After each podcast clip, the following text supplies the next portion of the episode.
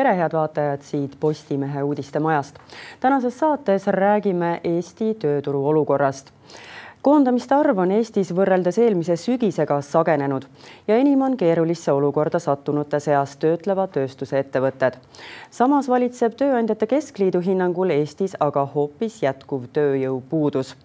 miks on olukord Eesti tööturul sedavõrd keeruline ning millised piirkonnad on koondamistest enim räsitud, seda arutan enda tänase saatekülalisega, kelleks on riigihalduse minister Riina Solman, tervist. tere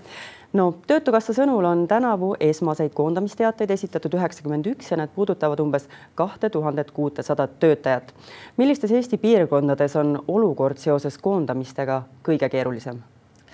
eks need piirkonnad on tegelikult üldiselt olnud kogu aeg võib-olla probleemsemad kui, kui siin Tallinn ja Harjumaa, see kuldne ring või siis Tartu ja Tartu ümbrus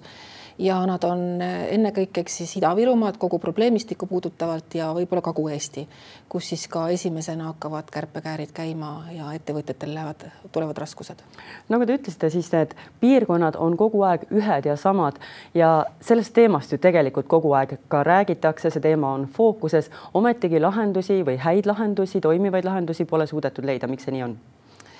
Eks see on seotud tegelikult mitte ainult Eestiga, aga see on seotud üle-euroopaliselt äh, inimeste käitumise muutusega, et me näeme, et äh, rahvastikprognoosid ju ütlevad, et inimesed liiguvad aastaks kaks tuhat kaks tuhat nelikümmend viis kõik Tallinna ja Tallinna suunale, kuldsesse ringi, kus on rohkem töökohti, Tartusse, Tartu ümbrusesse ja igal pool mujal ka siis rahvaarv kahaneb, mistõttu ka võib-olla ettevõtjatel ei ole seal oma äh, ettevõtteid nii mõistlik avada, sest nad tulevad ikka sinna, kus on inimesi rohkem kus on rohkem taristut välja ehitatud ja riigi eh, regionaalpoliitiline ülesanne on tegelikult kogu aeg olnud ja peab ka edaspidi olema eh, võimaldada siiski ka elu eh, maapiirkondades ja seal, kus inimesed ise elada tahavad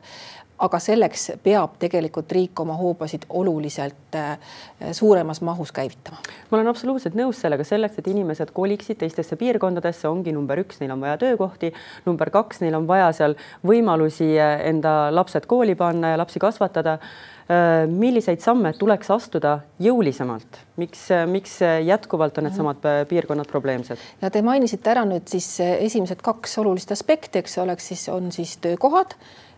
laste haridus, aga sinna juurde kuulub ka taristu, ilmtingimata teed ja ühendused, sest teed ja ühendused on nüüd need infrastruktuuri osad, mille ümber saab elu üldse tekkida. sellepärast on äärmiselt oluline, et me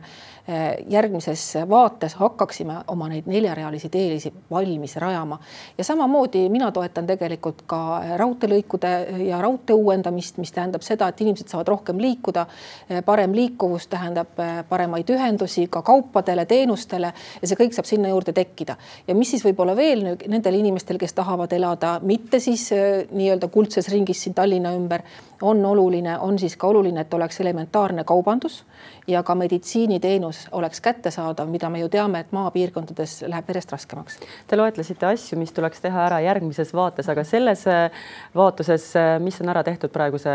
koalitsiooni poolt?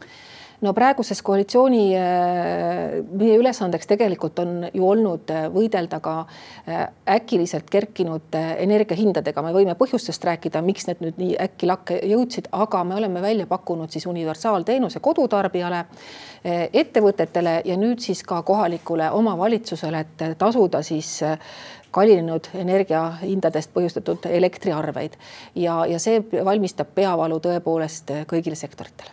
no tõepoolest paljud ettevõtted, äh, kes elasid äh, selle koroonaperioodi üle, on nüüd äh, kallinenud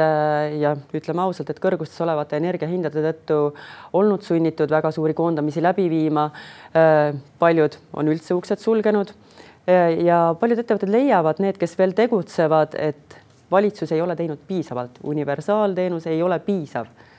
miks valitsus ei ole piisavalt vastu tulnud? eks valitsusel on ka teisi meetmeid, kui me räägime eurorahade suunamisest tööstusparkidesse või, või siis töökohtade loomisse äh, näiteks Ida-Virumaal äh, õiglase ülemineku fondi kaudu, sealt läheb suurem osa rahast lähebki siis töökohtade loomiseks ja ettevõtjate toetamiseks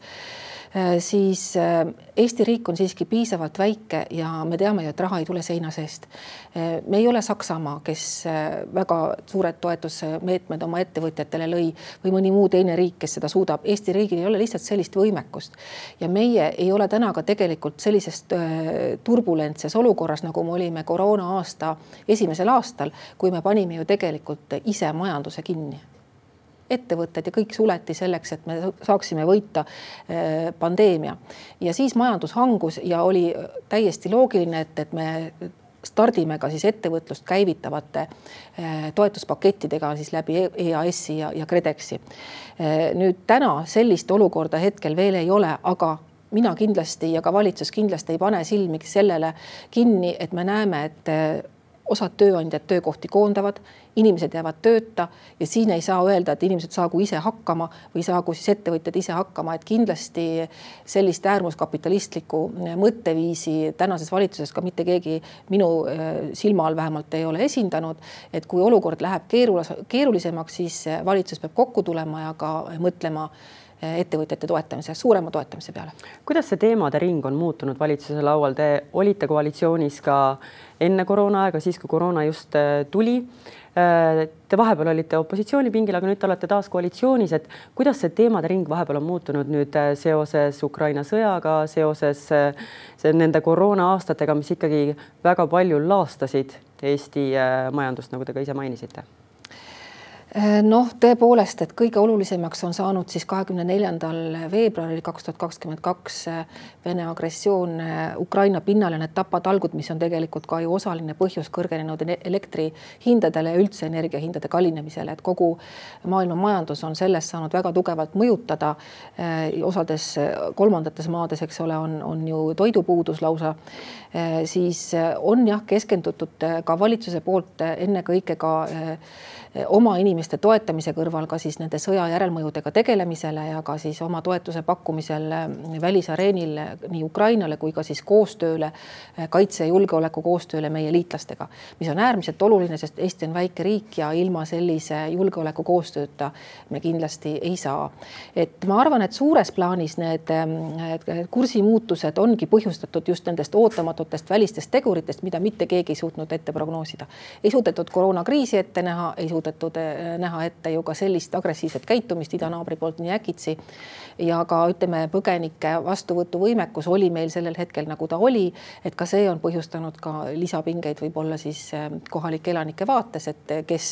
kes täiesti õigustatult küsivad, et, et aga meie, kui meil on raske, et siin ei saa vahet teha, kas oma inimene või sõjapõgenik. kas valitsuskabinet täna tegeleb eh, praeguste selliste probleemide likvideerimisega või ikkagi vaadatakse ka tulevikku ja tehakse neid samme ettevaatavalt juba ette? Me teeme tõesti ettevaatavalt äh, samme just, mis puudutab võib-olla energiamajandust. me näeme, et nii edasi ei saa, et meil on juhitavad tootmisvõimsused, mis täna tegelikult meid ju äh, katavad, katavad ära selle energiapuuduse, mida me lootsime saada elektribörsilt. ja, ja, ja me planeerime praegu ka uusi tootmisvõimsusi. hetkel käib töö planeeringutega siis just Liivi lahes ennekõike meretuuleparkide rajamiseks ja uuringute tegemiseks, keskkonnauuringute tegemiseks eh, merre kui maismaale.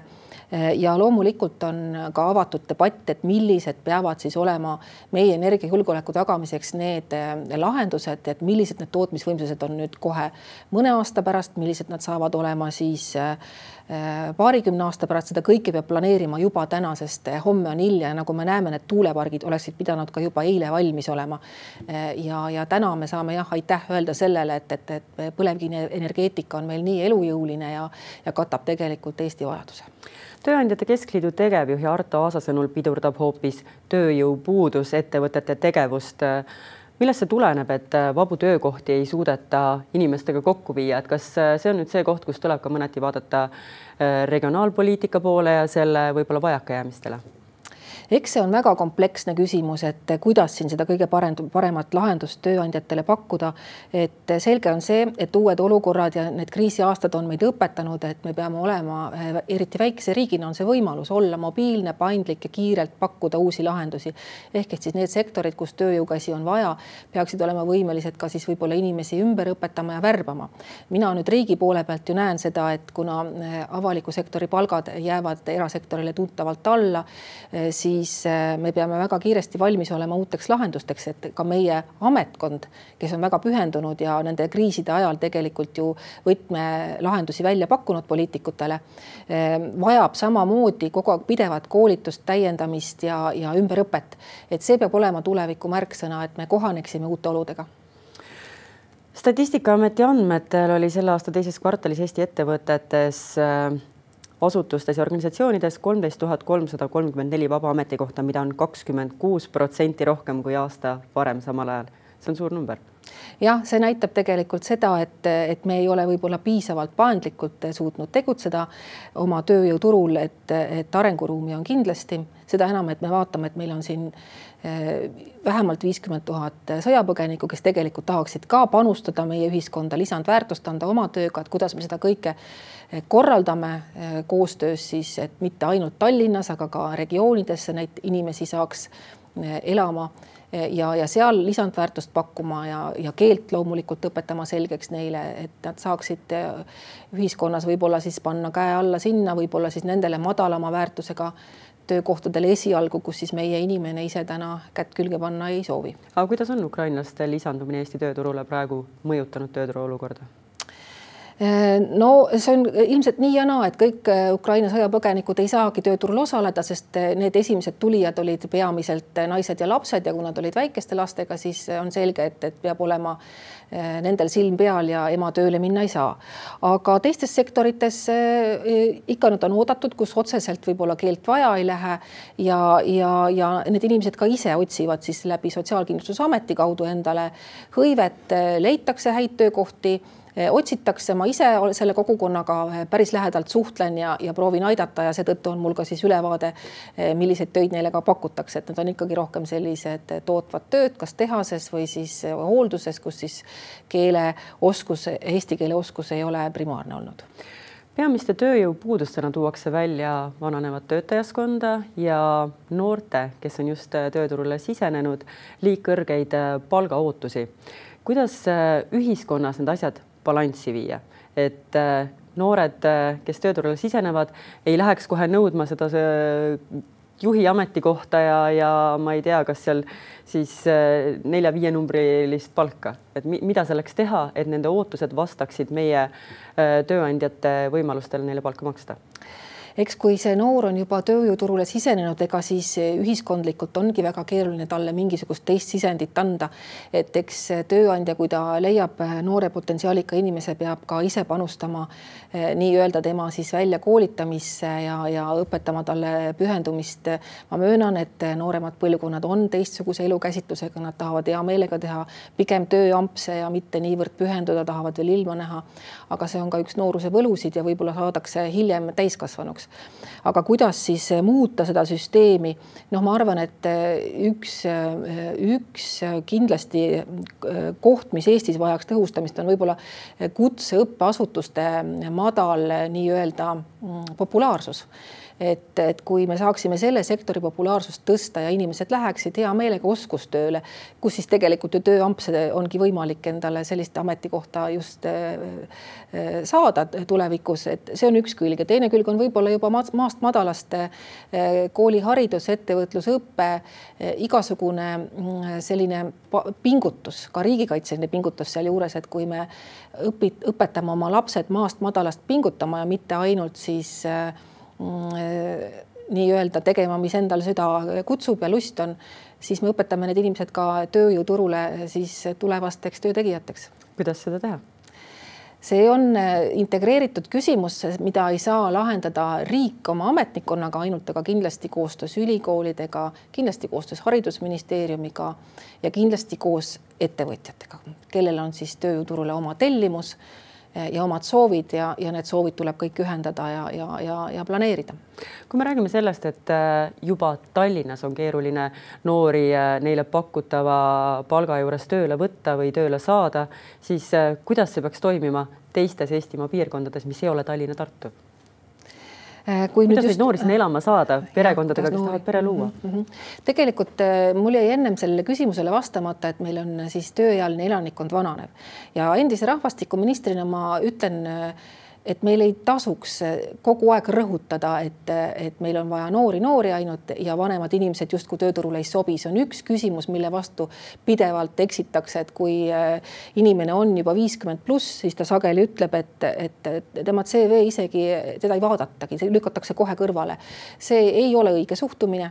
see suhtumine on äärmuskapitalistlik, et noor ja elujõuline suudab sul tööd teha rohkem kui siis vanem ja kogenud inimene. tegelikult on vaja, ma arvan, ettevõtjad oskavad seda palju paljud juba täna hinnata läbilõiget ühiskonnast, eks ole, et sul on vaja eh, kogenud inimesi, eh, selliseid stabiilseid pereinimesi, kellel ongi stabiilset töökohta vaja, kuna lapsed kasvavad ja siis neid noori, kes on siis järelkasvuks ja võib-olla värske õhu toojateks, värske eh, ideede toojateks ja, ja riskijateks aga lähme ikkagi tagasi sinna, et kuidas, et kuidas noored, kuidas noori ja kuidas maal, eks ole. no maal, maal elamine on nii kompleksne küsimus, et täna stuudios anda nagu ühte kindlat retsepti pole võimalik. aga kindlasti need regionaalpoliitilised meetmed, mida, mida me nagu Ida, Ida-Virumaale ja Kagu-Eestisse praegu suuname, et me tegelikult rahastame töökohtade loomist päris suures mahus tööparkide rajamist et kui töökohad tekivad ja ärid ja e-, teenused tekivad, siis saavad nad ka omale tööjõudu värvata ja ka noorte hulgast värvata, aga kui neid üldse ei teki, siis loomulikult see noor tuleb maalt ära ja siirdub linna. ja kui noor tuleb linna õppima või käib ka korra ära välismaal, siis see tegelikult on hea, sest ta tuleb tagasi suuremate teadmistega. nüüd on siis selle kodukoha oskus seda noort sinna tagasi kutsuda. ja mina arvan, et meie kohalikud omavalitsused võiksid mõelda selle peale, eh, kaardistada inimesi, kes on kunagi oma väiksest kodukohast kuhugi õppima või ära läinud, hoida nendega enamat sidet ja proovigi, proovidagi neid tagasi kutsuda, aga noh, selleks peab olema neil ka siis, eks ole, midagi pakkuda koostöös tööandjate ja muu taristuga Pole saladuseks, et Eestis, aga mitte ainult Eestis, on keerulised ajad nii tervise kui julgeoleku valdkondades ning paljud inimesed, nagu te ise olete öelnud, vajavad hakkamasaamiseks riigilt nii rahalist kui ka vaimset tuge. Te ütlesite saate alguses, et lõputult ei saa riik ju vastu tulla, sellepärast et raha ei tule seina seest. aga kui kaua saab riik vastu tulla, toetuste maksmine ei saa tõepoolest lõputult ju kesta. No täna me tegelikult ju eh, toetuste osas eh, oleme pannud õla alla meie eh, elu nii-öelda kitsaskohtadele kas see on siis sotsiaaldemokraatide poolt toetav hooldusreform, Isamaa poolt elluviidav peretoetused, peretoetuste maksmine ja see on tegelikult demograafiameede. nüüd me näeme pärast kahte koroona aastat sündimuse järsku langust ja me tegelikult teame täna, et eestlased on nagunii kahaneva sündimusega rahvas. me paneme sinna õla alla, sest meil on olemas mehed ja naised, kes tahavad peret luua ja tahavad endale perre lapsi, et see on mõistlik investeering, see on investeering tulevikku. Ja need toetused need võiksidki tegelikult jääda, teades, et me oleme väike rahvas ja me tahame oma keelt, kultuuri ja rahvast ju hoida. et eh, siin ma nagu eh, ei ütleks, et, et, et see on, et see oleks nagu lõputu toetuse maksmine, et riik peab olema täpselt nii mõõdukalt õhuke et ta tegelikult oma kitsaskohad katab ära ja, ja kui me ka nüüd oleme, eks ole, õpetajate palku tõstnud kahekümne nelja protsendi võrra ja, ja me soovime tegelikult investeerida enam veel haridusse, teadusesse. ja kui me ka selle haridusinvesteeringu ära teeme, näiteks võtame hariduslaenu tulevikus ja, ja tõstame õpetajate palgad ikkagi e, sellisele tasemele, et ka õpetajaamet on populaarne, siis kindlasti nii koostöös siis selle haridussektoriga me valmistame ette tegelikult ka maja majandusele suuremat lisaväärtust, et see peab olema väga integreeritud koostöös ülikoolide, ettevõtjatega, aga see kõik on paraku tulevikumuusika, et täna on meil kriisid esmased ja me sellele ka silma kinni pigistada ei saa, aga samas me ei tohi jätta tulevikku planeerimata, see on õige. jätame korraks selle ministriameti kõrvale, teie kui Eesti kodanikuna, teie kui emana kuidas te näete praegu Eesti ühiskonna tervist, kui te vaatate ringi, kas see teeb teid murelikuks? Ja see valimiseelne ärevus on kahtlemata äh, pisut äh, tavapärasest erinev äh, erineva atmosfääriga. et kui me vaatame meediat, siis käib seal üks möll ja, ja üksteise süüdistamine ja, ja hinnangute andmine, igaüks tahab silma paista, tahab, kes saab, tahab saada Riigikogusse, kes tahab lihtsalt ennast välja elada või välja paista Eh, siis eh, vaieldamatult eh, ma pean nüüd korraks võtma ka riigihalduse ministri rolli ja, ja ütlema, et riik saab olla tegelikult nii usaldusväärne, kui usaldusväärne ta on oma partneritele ja ka ja meediasuhted mängivad siin hästi suurt rolli. ehk et see, mida meedia kajastab, seda ka rahvas on, et kui meedia võimendab kaklust, siis inimesed lähevad ärevamaks. ja ma muidugi ei pane süüd siin ainuüksi meediamajadele või siis eh, sellele tähelepanumajandusele, kus meie teiega praegu viibime. aga, aga võib-olla paneksin südamele ennekõike siis eh, poliitikutele ja, ja nendele, kes osalevad mm, just siis negatiivsete sõnumite tootmises, et, et, et see tegelikult mõjutab inimeste vaimset tervist, paljud tarbivad eh, meediakanaleid aga, aga see ei ole tõesti ainult siis eh, nii üheselt nii, aga, aga inimesena, kui te ütlete, on mul loomulikult mure, ma olen alati muretsenud, kuidas saavad inimesed hakkama, eh, mida ma saan ise eh, teha selleks, et inimesed saaksid parema, paremini hakkama. ja kõige enam paneb mind muretsema loomulikult see, mis toimub Ukrainas. ma tahan, et Ukraina võidab, see julgeolekuoht, mis lähtub sellest, mis toimub idanaabri diktaatori peas, see on oht ja, ja see, kuidas me tuleme tegelikult toime ka oma muukeelse elanikkonnaga, kes on ju tegelikult harjunud sõbralikult eestlaste kõrval juba aastakümneid elama, aga ta on olnud meie enda tegevus, tegevusetuse tulemusena pikalt nii-öelda eh, vaenuliku eh, riigi inforuumis. Ja teda on nii-öelda aju pestud, et, et ma arvan, et selleks, et, et, et seda inimest tuua Eesti inforuumi, see peab olema nagu üks meie äh, ühine ühiskondlik pingutus, et me saaksime koos äh, Eesti riigi eest seista kõikide väljakutsete ees, mis on äh, tulevikus meile osaks saamas. kuna te ise viisite teema Ukrainale, siis ma küsin, et kas teile ei tundu, et Eesti on hammustanud võib-olla liiga suure tüki, võttes vastu nii palju ukrainlasi, arusaadav, et neid tuleb aidata, sõjapõgenikke tuleb alati aidata, aga siinsamas üks pool aastat tagasi tunnistasid ka meie riigiametnikud, et me teeme neile karuteene sellega, kui me võtame nad kõik siia vastu, sellepärast et meil ei ole neile pakkuda seda elamisväärset elu või, või neid võimalusi, et kui nad peaksid pikemaks ajaks siia jääma, siis me saaksime neid toetada ja nad saaksid ise endale elu siin luua. eks me näeme, mida nüüd need talvekuud teevad, me näeme, et